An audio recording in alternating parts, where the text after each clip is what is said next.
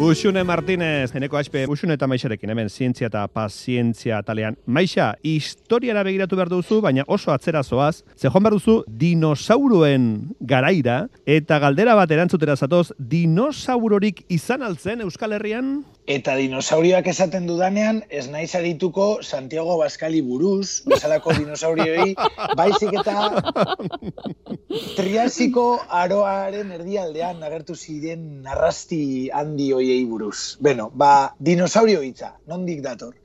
Grezia retik dator, e, musker izugarria, esan nahi du, dinosaurio hitza, grekeraz. Musker izugarria. bai, bai, bai, hori esan nahi du hitza, grekeraz.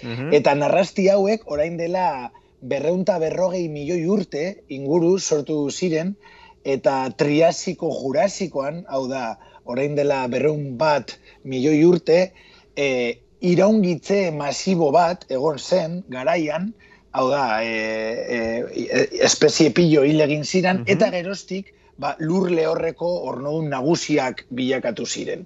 e, lur lehorreko erregeak. Eta nagusitasunak jarraitu zuen ba, jurasikoan eta kretasekoan eta olantzegon ziren eunta hogeita mabuz milioi urtez. Eta gero, orain dela, irurogeita zei milioi urte, ba, meteorito handi batek, josuen gaur egongo Yucatan peninsula, Mexiko, eta agur benur dinosaurioak. Edo, bueno, e, dinosaurio gehienak egaztiak izan ezik. Beno, ba, kontue da... Hori ez, egaztia badukate antza dinosauroena, ez? Ibilkera antzeko daukate. Bai, oso harrigarria da, ba, ze ez bakarrik dinosaurioak, baizik eta espezie e, meteorito hau e, jauzi eta gero, espezien euneko irurogeita mazeia. Desagertu egin zen, hilabete batean, hilabete batean. Hau da, esan dezakegu, e, iraungitze azkarrena izan dela historian. Eta, por cierto, e, sopelan eta sumaian, e, katastrofe honen narrastuak ikusi aldira. Geruza fin batek kontatzen digu gertatutakoa. Horren dela, irurogeita zei milioi urteko meteoritoaren arrastoak. Horrela da, bai, Vale. horrela da. Geruza fin bat dago eta aurretik gertatutakoa eta geroztik gertatutakoa geruza fin horrek kontatzen digu. Mhm. Baina guazen arira, Bai. dinosaurioak egona ziren Euskal Herrian. Bai. Vale, ba, dinosaurioen garaian, Mm. Euskal Herriko eskualde gehiena urraspian egon zen, itxasoa zen. Vale. Beraz, arraro litzateke printzipioz narrasti hauek Euskal Herrira, edo Euskal Herria aukeratzea bizitzeko.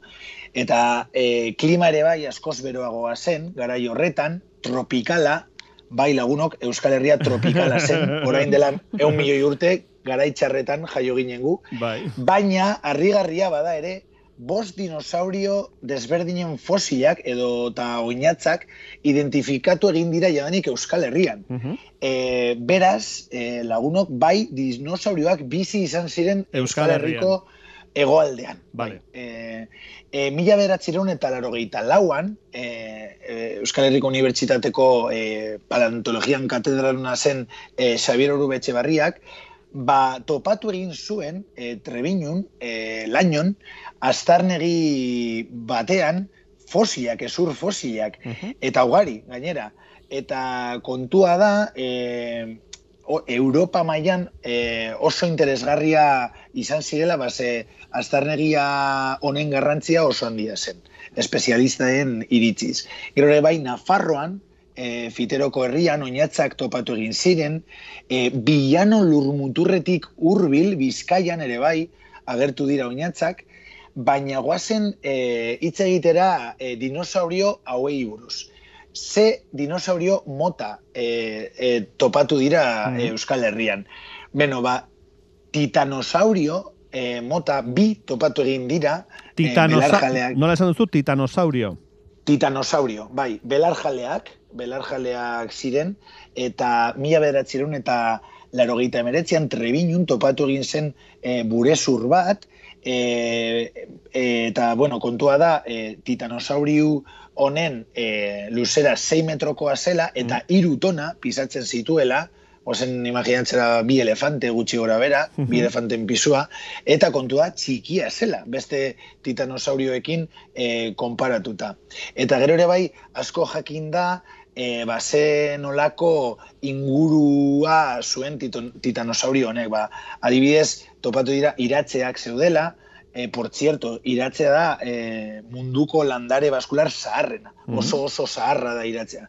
Gero bai pinuak zau, e, zeuden, e, altzifreak eta klimakaso honetan e, subtropikala zen, mm esea.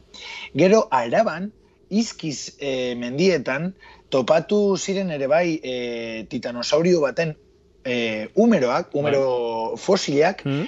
eta, eta hau handiagoa zen, amar metroko e, titanosaurioa zen topatutakoa. Gero ere bai, e, beste mota bat, ornitopodoak, hauek e, buruan eukitzeko dira, bianka handi dituzten dinosaurioiek, eta gero bi e, beso txiki e, goian, ba, e, korrez, araban, e, topatu egin zen lehenengoa, e, iguanodontio bat topatu egin zen, eta gero ere bai, e, beste bat, e, lainun, trebinun, adrosaurio bat topatu egin zen, irumetrokoa, laro gehieta mabos e, kilogramokoa, nire aitaren pisua, eta e, pisu hone, e, pisua eta luzera gatik e, jakin zen gaztea zela. Eta uste da, hau, hau oso bitxia da uste da itsasoak ekarri zuela bere gorpua hmm? eta itsasoaren azpian gelditu zela lurperatuta eta zergaitik ba gogora dezagun garai horretan ba laino e, urraspian zegoela. Hmm. Beraz, uste da hori pasatu egin, zi, egin zela. Eta gero, azkenengo mota, eta hau da bai. nire favoritoa, ankilosaurio bat topatu egin zen. E, ankilosaurio dira, e, e, imaginatu e, dinosaurioiek e, dordoka baten oskola dutela bizkarrean, ez dakizue, ba, hoiek e, korrez, alaban, e, araban, topatu egin ziren e, fosilak, eta topatu egin zutena hori izan zen, oskola zati bat. Ah, e, bai, eta beraz, bai, momentuz bost, dinosaurio e, topatu egin dira e, Euskal Herrian, eta interesatuta basaudete e, gai honetan, fosil gehienak Arabako Naturzientzien Museoan topatu daitezke gazteizen. Bertan daude e, fosil gehienak eta ikus ditzazkezue bertan. Bueno, Natur Zientzien Museora joateko e, zera plana apuntatuko dugu hemen usun, eh? Bai, benetan. E, Hain apuntatzen, esan diguzu, e, dinosauro hauek Euskal Herrian biziziren garaian, e, bazirela izeia eta pinua esan duzu, ezta? Bai, eta altzifreak ere bai. Vale, vale. Altzifreak iratzeak, iratzeak pinuak eta altzifreak. Claro, bai. garai hartan goroldiorik izango zen, oxun, eh? Ba, ez dakit, ez dute ziurtatu. Bueno, lasai, gerora bai, gerora bai izan dugu bai. goroldioa, eta gaur egun badaukagu goroldioa. Bai, badaukagu, zorionez, orain bai. Hori da, goroldioa, eh, zesan behar nizun e, goroldioa, hemen ja gaia aldatu dugu, eh? Maixaren gaia bukatu da, eta ja pasatu gara goroldiora. ez, eta harin nintzen pesatzen goroldio hitza, nahi, hola, kolpetik etortzen zaidan e, ze, ideia da, bai. gogoratzen ez nola, orain bukatu berri ditugun, pasa berri ditugun gabonetan, gari bai. batean joaten ginen goroldio bila, bai. gero e, estalpean, asimentuan jartzeko, belenean bai. jartzeko, gero debekatu egin zuten hori, bai. ezta? Bai, bai. bai. Ta, bueno, kontua da, goroldioak, baditu, baduela funtzio, goroldioak badu funtzio berezi bat, eta da, bai. balio du lurraren edo ingurumenaren kalitatea neurtzeko, ze bai. metalak e, metatzen ditu, pilatzen ditu, ez? Bai, kontua da goroldioa e, biomonitorea dela. Hau da, zer da biomonitorea bazuk, justu aipatu duzuna, da e, kutsatzaileak metatzeko gaitasuna duen organismoak dira e, biomonitoreak. Hau da, organismo begiraleak dira e, eurei esker badakigu modu kuantitatiboan, hau da, zenbatu egin daiteke, kalkulatu egin daiteke, ingurunearen kalitatea. Mm, zergatik, ba, metatu egiten dituztelako e, kutsatzaileak eta orduen ikusten da konzentrazio horretan informazio asko lor daiteke, ez? Mm. Jakin daiteke esaterako ze kutsatzaile mota diren, ze kantitaten dauden, eta zelako eragina duten bizidunengan. Kutsaduraren e, zenbateko ero magnitudea neurtzeko balio dute, eta erabiltzen dira monitorizazio programetan. Bueno, zer gertatzen da? Oso adierazle ba, merkeak eta bantaiak dituztenak direla. Mm. E, kostu txikikoak dira, bertan ditugulako, emaitzak askar lortzeko aukera ematen du, eta baita, bueno, ba, informazio metatu asko lortzen da, eta e, oso leleku zehatzei lotutakoak diren ez goroldioak, ba, bertako oso informazioa berazgarria ematen du. Kontua da, bueno, ba, bada zaintzaile haure, hauek ero kutsadura zaintzeko gaitasuna duten organismo hauek, mm. bueno, ba, bi motatakoak izan daitezkela, hau da, izan daitezke pasiboak ero aktiboak. Zertzu dira biomonitore pasiboak? Ba, bueno, ba, berez, azterke, aztertzen dugun leku horretakoan, ero hortan berezkoak direnak, bertakoak direnak, tokian tokikoak direnak, bai? Eta beste alde batetik biomonitore aktiboak dira, kanpotik beste leku batetik ekartzen diren e, e, zera, e, adierazleak, ez? Bai. Ero landareak eta eta jartzen direnak leku zehatz baten, ba hor ba metatu ero e, aztertu dezaten ba zelako e, kutsadura dagoen, ez? Bueno, kontua da, ba, esaterako biomonitore pasiboen artean, hau da, tokian tokiko diren e, biomonitore ero adierazle horien artean daudela goroldioak bai. eta likenak. Eta esaterako itsasoan badaudere algak, muskuiluak ero itsase landareak. Beraz, hoiek ere balioko lukete kutsadura neurtzeko, bai, ezta? Bai, bai, bai, eta egiten dute E, esaterako, e, goroldioekin Euskal Herrian, Euskal Herriko Unibertsitateak bai egin du e, ikerketa bat, eta aztertu du Bizkaiko muskizen, getxon, lutsanan, samudion, basaurin eta zornotzan, ba, bertan zernolako kutsadura dagoen, ez? Eta goroldio esker egin du ba, bertan daukagun e, zerbat espezie bateri esker. Eta da grimia, generoko goroldioa da. E, goroldioa kanpotik eraman gabe, hor bertan dagoen goroldioaren bai, bitartez, herrioetan, epatu dituzun herrioetan dagoen goroldioaren bitartez, jakinda ze bai. kutsadura maila dagoen, ez? Hori da, e, bertan hartu zituzten laginak, eta hartu zituzten esateko ba, muskizeko San Julian auzoan, getxoko punta begoña galerietan, Lutzanan, Samudion hartu zuten esaterako parke teknologikoko e, goroldioen laginak hartu zituzten, basaurin ere eta zornotzan ere, ez? Eta bueno, zer da ikusi zutena, ez?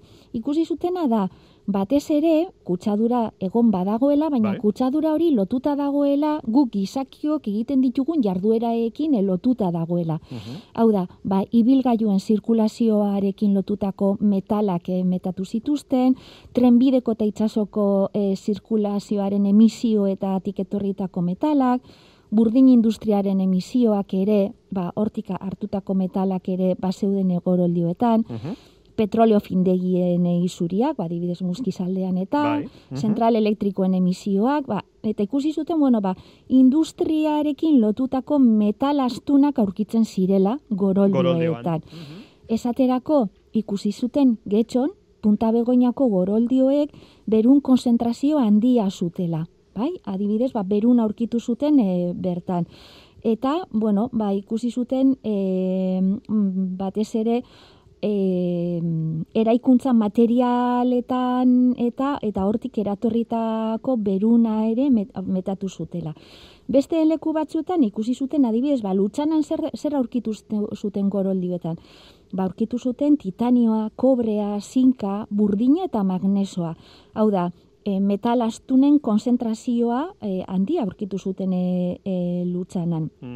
Eta, bueno, ikusi zuten e, esateko adibidez, ba, kutsadurari txikiena, Samudioko laginetan zeudela. Ah. Samudioko parke teknologikoko e, ba, goroldioek, ba, e, metal astunen konzentrazio ero metaketa txikia Kargo, zuten. Horko iardura industrial eguar diferentea delako, ez? Igual ez da kutsakorra, ez? Hori da, dira parke teknologikoan, bai. badaude uh zentroak eta enpresak bai. daude, baina euren jardun esan duzun moduan bestelakoa da. Uh Ez da, ba, e, ba muskiz inguruan, ero bestelakoetan, zornotzan, ero basaurin egon daiteken e, bezalakoa, ez? Bai. Eta, bueno, Zer gertatzen da, bueno, ba, ikusi zutela goroldioek hainbat metal astun eta jasota e, zituztela, baina ikertzalea, ikertzaiek ikusi zuten, bueno, ba, konzentrazio maila hori esela kaltegarria osasunaren txako. Hau da, ba, zuten emetatuta, baina aldiz esan, e, bueno, ba, guretzako esan e, kaltegarria. Hau esaterako goroldioekin egiten dena, baina aipatu dugu esaterako ba muskuiluak ere erabiltzen direla, ero algak ere erabiltzen direla, ez? Mhm.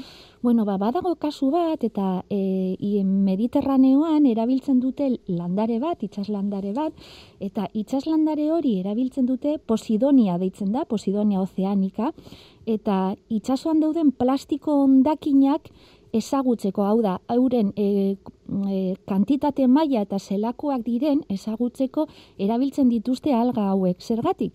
biomonitoreak dira, baina kasu honetan ez dute metatzen esaterako ba metal astunik ero plastikorik. Honek zer egiten dute? Arrapatu egiten dute plastikoa. Mm. Hau da, itxatzita gelditzen zaie.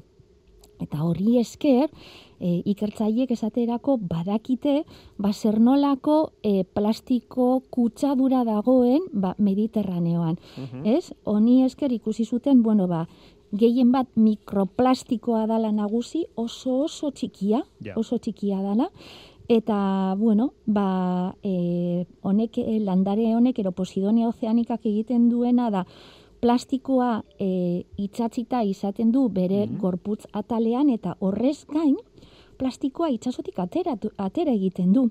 Hau da, e, Garbitu e, egiten du itxaso? Bai, e, bola baten antzerakoa sortzen du plastikoaren inguruan, Mhm. harrapatu, harrapatu egiten duenean e plastikoa, eta bola hori gero itsasotik kanporatu ero lurrera bueltatzen du. Vale. Bai, beraz... Baina hau ez da hila motibo bat izan jendeak plastikoa botatzeko itxasora, eh? Ez, ez, ez, ez, ez, ez, ez, ez. E, ikusi dute, Posidoniarekin ikusi dute, bueno, ba, itxas e, onduak, bat ez ere mediterranean, besteetan ere badago, baina izugarrizko kutsadura Oso dagoela.